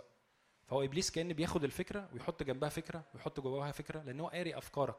عشان في ناس تقول لأ هو ما بيقراش أفكاري. لأ المفاجأة يا جماعة هو بيقرأ الأفكار وبيقرأ كل حاجة بيشوف كل حاجة. يعني ف لكن اللغة الوحيدة اللي ما, بي... ما بيقدرش يفهمها هي الألسنة آه، دي كورنثوس زي ما قلنا كورنثوس آه، 14 14 اللي هي فروحي تصلي أما ذهني بلا ثمر. في كورنثوس 14 26 أيها الإخوة متى اجتمعتم فكل واحد منكم له إيه؟ مزمور. فأنا كل مرة بجتمع بصلي في مزمور وله تعليم وله لسان وله إعلان وله ترجمة. مش أنا اللي بقول الكتاب هو اللي بيقول أهو. إن كل مرة إحنا بنتجمع أو أنا بصلي بروحي ففي في في مزمور بيحصل في تعليم بيحصل جوايا. في إعلان جديد. فليكن كل شيء للبنيان. ال- ال- الألسنة في العهد القديم حتى أشعياء كان بيتكلم عليها بيتنبأ على الزمن اللي جاي فيه يعني تقريبا أشعياء 28 حاجة زي كده. كان بيتكلم على الألسنة لكن في في العهد القديم ما كانش فيه ألسنة. فأنت مجرد ما أنت سلمت حياتك وده بيأكد إن المعمودية الجديدة أو المعمودية الثانية هي بيليها تكلم بألسنة. لأن زمان كان روح الله يرف وكأنه بيجي على مثلا شادي أهو ويفارق. فجه على شمشون مثلا فهو جه قدر يشيل البيبان ويتحرك بيها وبعد كده فارق. لكن إحنا دلوقتي الروح القدس ساكن فينا. بكل حاجة مش بحتة وحتة لأ ولا للاستخدام بس لكل حاجة ليومي لصحياني اي حاجة. فبالتالي مجرد برضو لازم نبقى فاهمين ده إني أنا محتاج أفهم طول الوقت ان الألسنة دي مش مش حاجة لأن في ناس تقول لك لا أصل هي ما فيش حاجة كانت في العهد القديم. أيوه ما فيش في العهد القديم لأن ما فيش كان خليقة جديدة والروح القدس محلش محلش بالشكل المعمودية وملء والحاجات دي كلها. فلو رجعت تفتح في أعمال الرسل والملء حصل وتكلموا بألسنة فهو ده ده ده ناتج كأن إيه ده الطبيعي. الطبيعي ربنا جه في المكان فالطبيعي لازم يحصل معجزة. هو الطبيعي إن حلول الروح القدس معمودية الروح القدس فأنت بالتالي لازم تتكلم بألسنة. تقول لا معلش أنا اعيد دي تاني. لا أصل أنا سلمت حياتي بس لسه ما اتكلمتش بألسنة.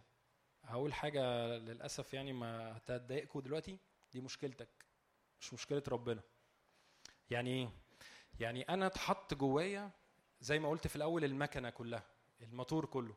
كوني أنا فعلت حاجة أو ما فعلتش حاجة من خلال ربنا دي جزء عليه أنا. يعني أنا إحنا لما نيجي نصلي كمان شوية بألسنة أنت محتاج تحرك روحك وتحرك لسانك تنطق. البيبي الصغير ده لما بيتولد بيبتدي يحتاج الأول نقعد نساعده في حاجات. يعني إيه؟ محتاج أقول له بابا ماما مش عارف ده أكل ده شرب. محتاج أساعده. أوقات كتير قوي لما بيحصل أو لما نسلم حياتنا أنا محتاج كأن شوية بحتاج إني ربنا يديني كلمة ورا كلمة ورا كلمة ورا حرف فيبتدي لساني يتحرك ففي حاجة تحصل. ف فبالتالي أنا محتاج أنا بس عشان الوقت آه، سوري أخرت. طيب إحنا هنا دي أنا مش متكلم قوي عن الترجمة قوي بس دي برضو واخدها من الكتاب اللي هي الألسنة الألسنة زائد ترجمه بتساوي نبوه و- وهنا الآية مختلفة شوية. إحنا خد خدنا ال- الجزء الأولاني من يتكلم بلسان فهو يبني نفسه. إحنا المرة دي بقى هناخد أما من يتنبأ فيبني الكنيسة. وهنا بيتكلم إني أريد أن جميعكم يتكلمون بألسنة ولكن بالأولى أن يتنبأوا لأن من يتنبأ أعظم ممن يتكلم بألسنة إلا إذا ترجم. يعني يعني هو بيقول ان إن أنا أنا عارف إن في ناس بتتكلم بألسنة بس الألسنة الشخصية دي حاجة والت- والألسنة اللي هي جوه الكنيسة لبنيان الكنيسة دي حاجة تانية.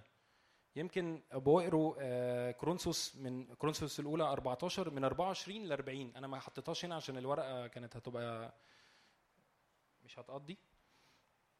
بس آه، بس في في نوع من الألسنة باختصار احكيه لكم بسرعة إن في حد بيروح واقف كده وده بيحصل بس يمكن مش في كنايسنا قوي هنا. بيقف يصلي بألسنة ويبقى في حد عنده موهبة ترجمة. يعني إيه موهبة ترجمة؟ ده البنيان الكنيسة. يعني إيه؟ إن هو يقف ويسمع الألسنة كأنها عربي. وده حاصل وسطينا يعني أنا عارف ناس كده. فبالتالي لما أجي أنا أطلق ألسنة كل الناس مش سامعاها غير هي ألسنة. الاقي بس الشخص اللي جو اللي جنبي ده هو سامع الكلام بالعربي. فاهمين قصدي؟ فده بيحصل إن واحد هيبقى ماسك مايك وجنب واحد ماسك مايك فأنا هصلي بألسنة وهي هتبتدي أو هو هيبتدي يترجم لبنيان الكنيسة. فاهمين قصدي؟ حد تاه ولا كله معايا؟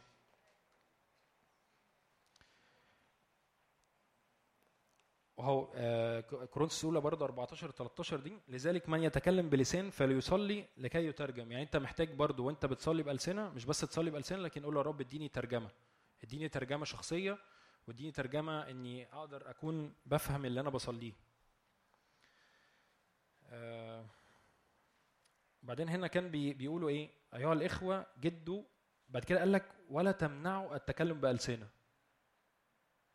يعني هو هنا يعني بيأكد مليون المية إن كده في ألسنة ولا تمنعوها. يعني مش مثلا آه لا أصل الألسنة مش موجود. لا ده هو هنا كمان بيقول لك ولا تمنعوا التكلم. يعني ما تفكرش إن أنت تقول لا يا جماعة إحنا هنلغي الألسنة عشان هي ما أعرفش عملت إيه بلبلة في الكنيسة. زي ما قلت الألسنة الشخصية هي البنيان النفسي والألسنة التانية اللي هي لبنيان الكنيسة دي حاجة تانية.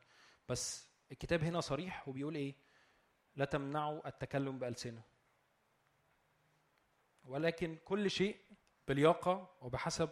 يعني كل شيء ينفع يبقى بنظام. مش إني أطلع أقعد أصلي بألسنة وأنتوا مش فاهمين حاجة. مش تفهموا حاجة.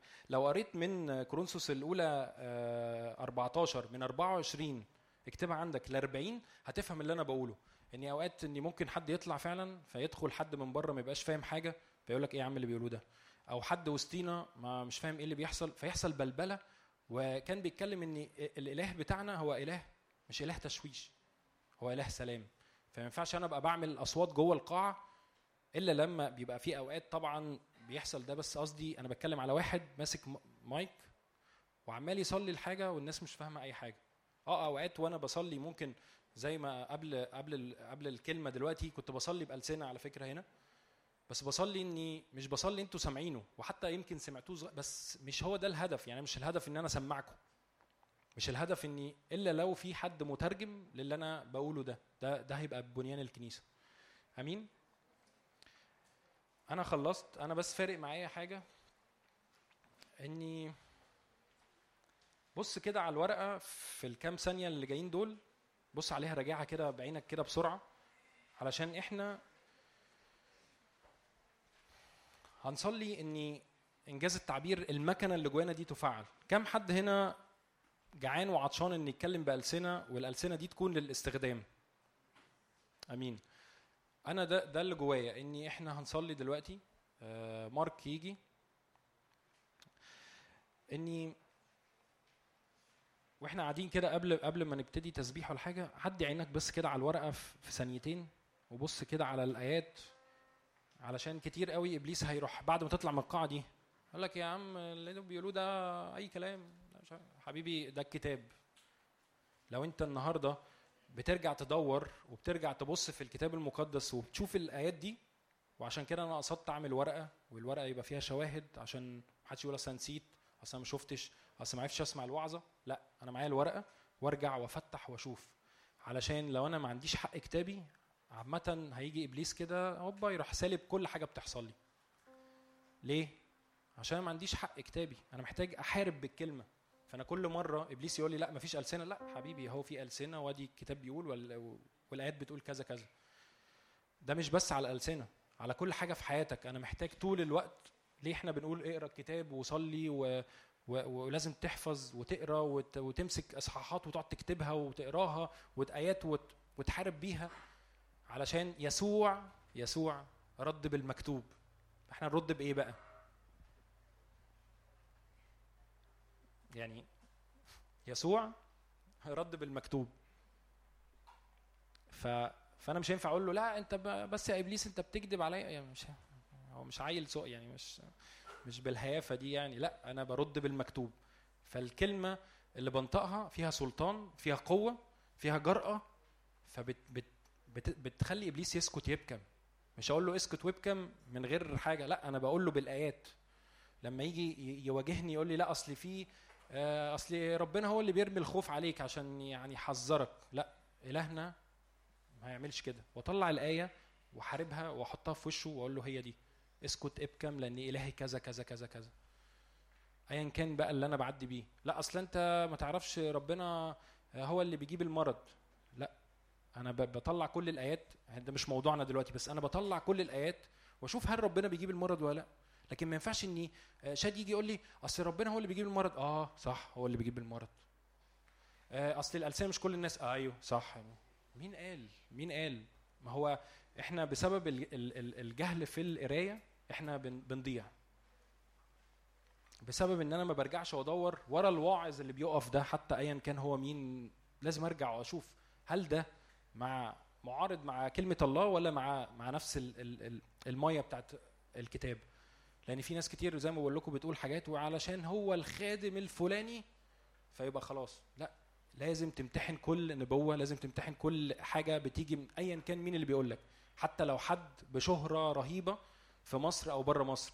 محتاج أشوف الكلام ده مع نفس الموجة بتاعت السماء مع نفس الموجة اللي اللي ربنا بيقولها هنا ولا مع موجه تانية. وده مش هعرفه غير لما أبتدي أفحص وأدور في الكتاب وأقرأ في الكتاب. أمين؟ خلينا نقوم نقف مع بعض.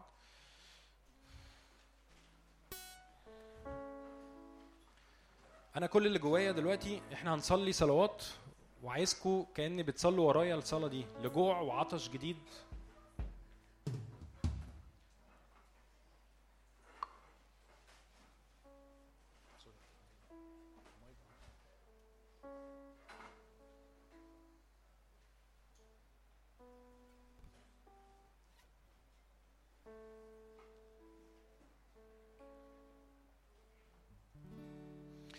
روح الله تعالى تعالى دلوقتي على أحشائي تعالى على قلبي.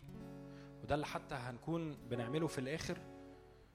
يمكن مفيش وقت قوي بس آه، أنا مش هطول في الصلاة لكن افتح إيدك كده معايا واقول له يا رب تعالى عليا دلوقتي بمعمودية جديدة باسم يسوع.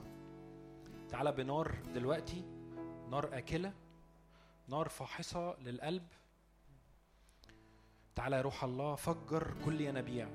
كل تعليم متغالط كل مفهوم كان متغالط حتى عن الألسنة. تعالى يا رب دلوقتي بنارك احرقه دلوقتي. يا رب انت فاحص النيات والقلوب يا رب. انت تفحص دلوقتي يا رب أعماق قلبنا وأعماق ذهننا دلوقتي باسم يسوع. تعالى أقول له يا رب آه، أنا مصدق مصدق في إني كل حاجة أنت حطيتها فيا تفعل للآخر باسم يسوع.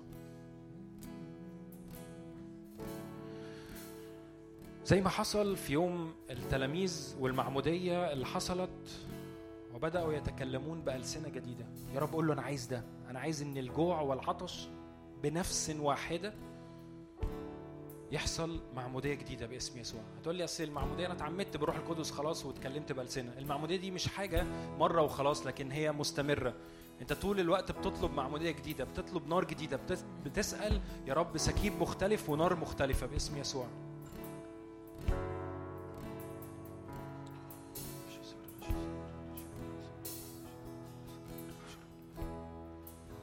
تعالى يا روح الله تعالى الآن تعالى حط إيدك على قلبك كده وقول له يا رب تعالى اصنع أمر جديد الآن. تعالى يا رب باختراقات إلى مفرق النفس والروح والجسد دلوقتي. تعالى يا روح الله احملني حيث تشاء أنت. يا رب أنا إيماني يا رب إني أنطق بكل ألسنة من النار جديدة دلوقتي. لو حتى حد فينا هنا لسه ما سلمش حياته حتى قول له يا رب تعالى اقبل حياتي يا رب كشخص ومخلص على حياتي. يمكن في ناس هنا أول مرة تسمع الكلام ده وأول مرة تيجي تحضر الاجتماع أصلا. قول له يا رب أنا بصلي إني تكون أنت السيد والملك على حياتي. والناس حتى اللي سلمت حياتها بقالها سنين وكأن كان في آه، فتور كده كأن كان في آه، نشفان كده في العلاقة يا رب تعالى بنار حضورك دلوقتي. صلي كده صلي الصلوات يمكن بصليها أنا في المايك بس عشان خاطري. صلي ورايا ده. قول يا رب تعالى ولع نار وجوع وعطش جديد باسم يسوع. تعالى املأ المشهد يا روح الله في قلبي وفي مشاعري وفي كياني.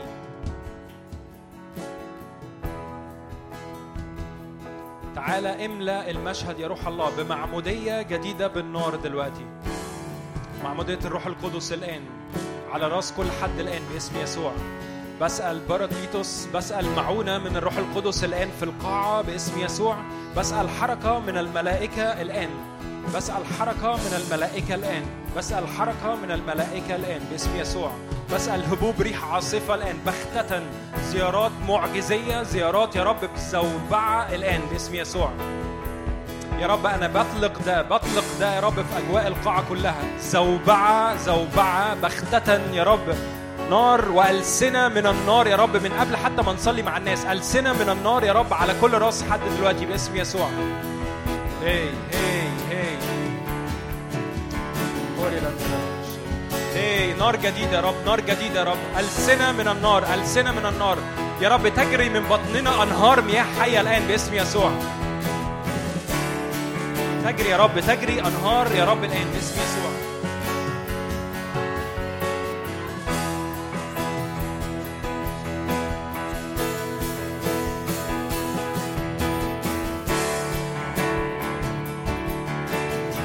حط إيدك على راسك كده وصلي. قول له يا رب أنا بصلي لألسنة من النار دلوقتي. باسم يسوع. ألسنة من النار يا رب على كل حد دلوقتي. إحنا يمكن في الوقت الأخير هن هن هن الخدام هتكون بتطلع واللي محتاج ده محتاج معمودية يطلع قدام هنبقى بن بنشيل الكراسي بس مش دلوقتي. وهنصلي مع كل حد عايز معمودية جديدة عايز نار جديدة. حط إيدك على راسك كده قول له يا رب أنا عايز ألسنة من النار عايز معمودية جديدة عايز عايز سكيب مختلف عايز نقلة جديدة عايز دهنة جديدة.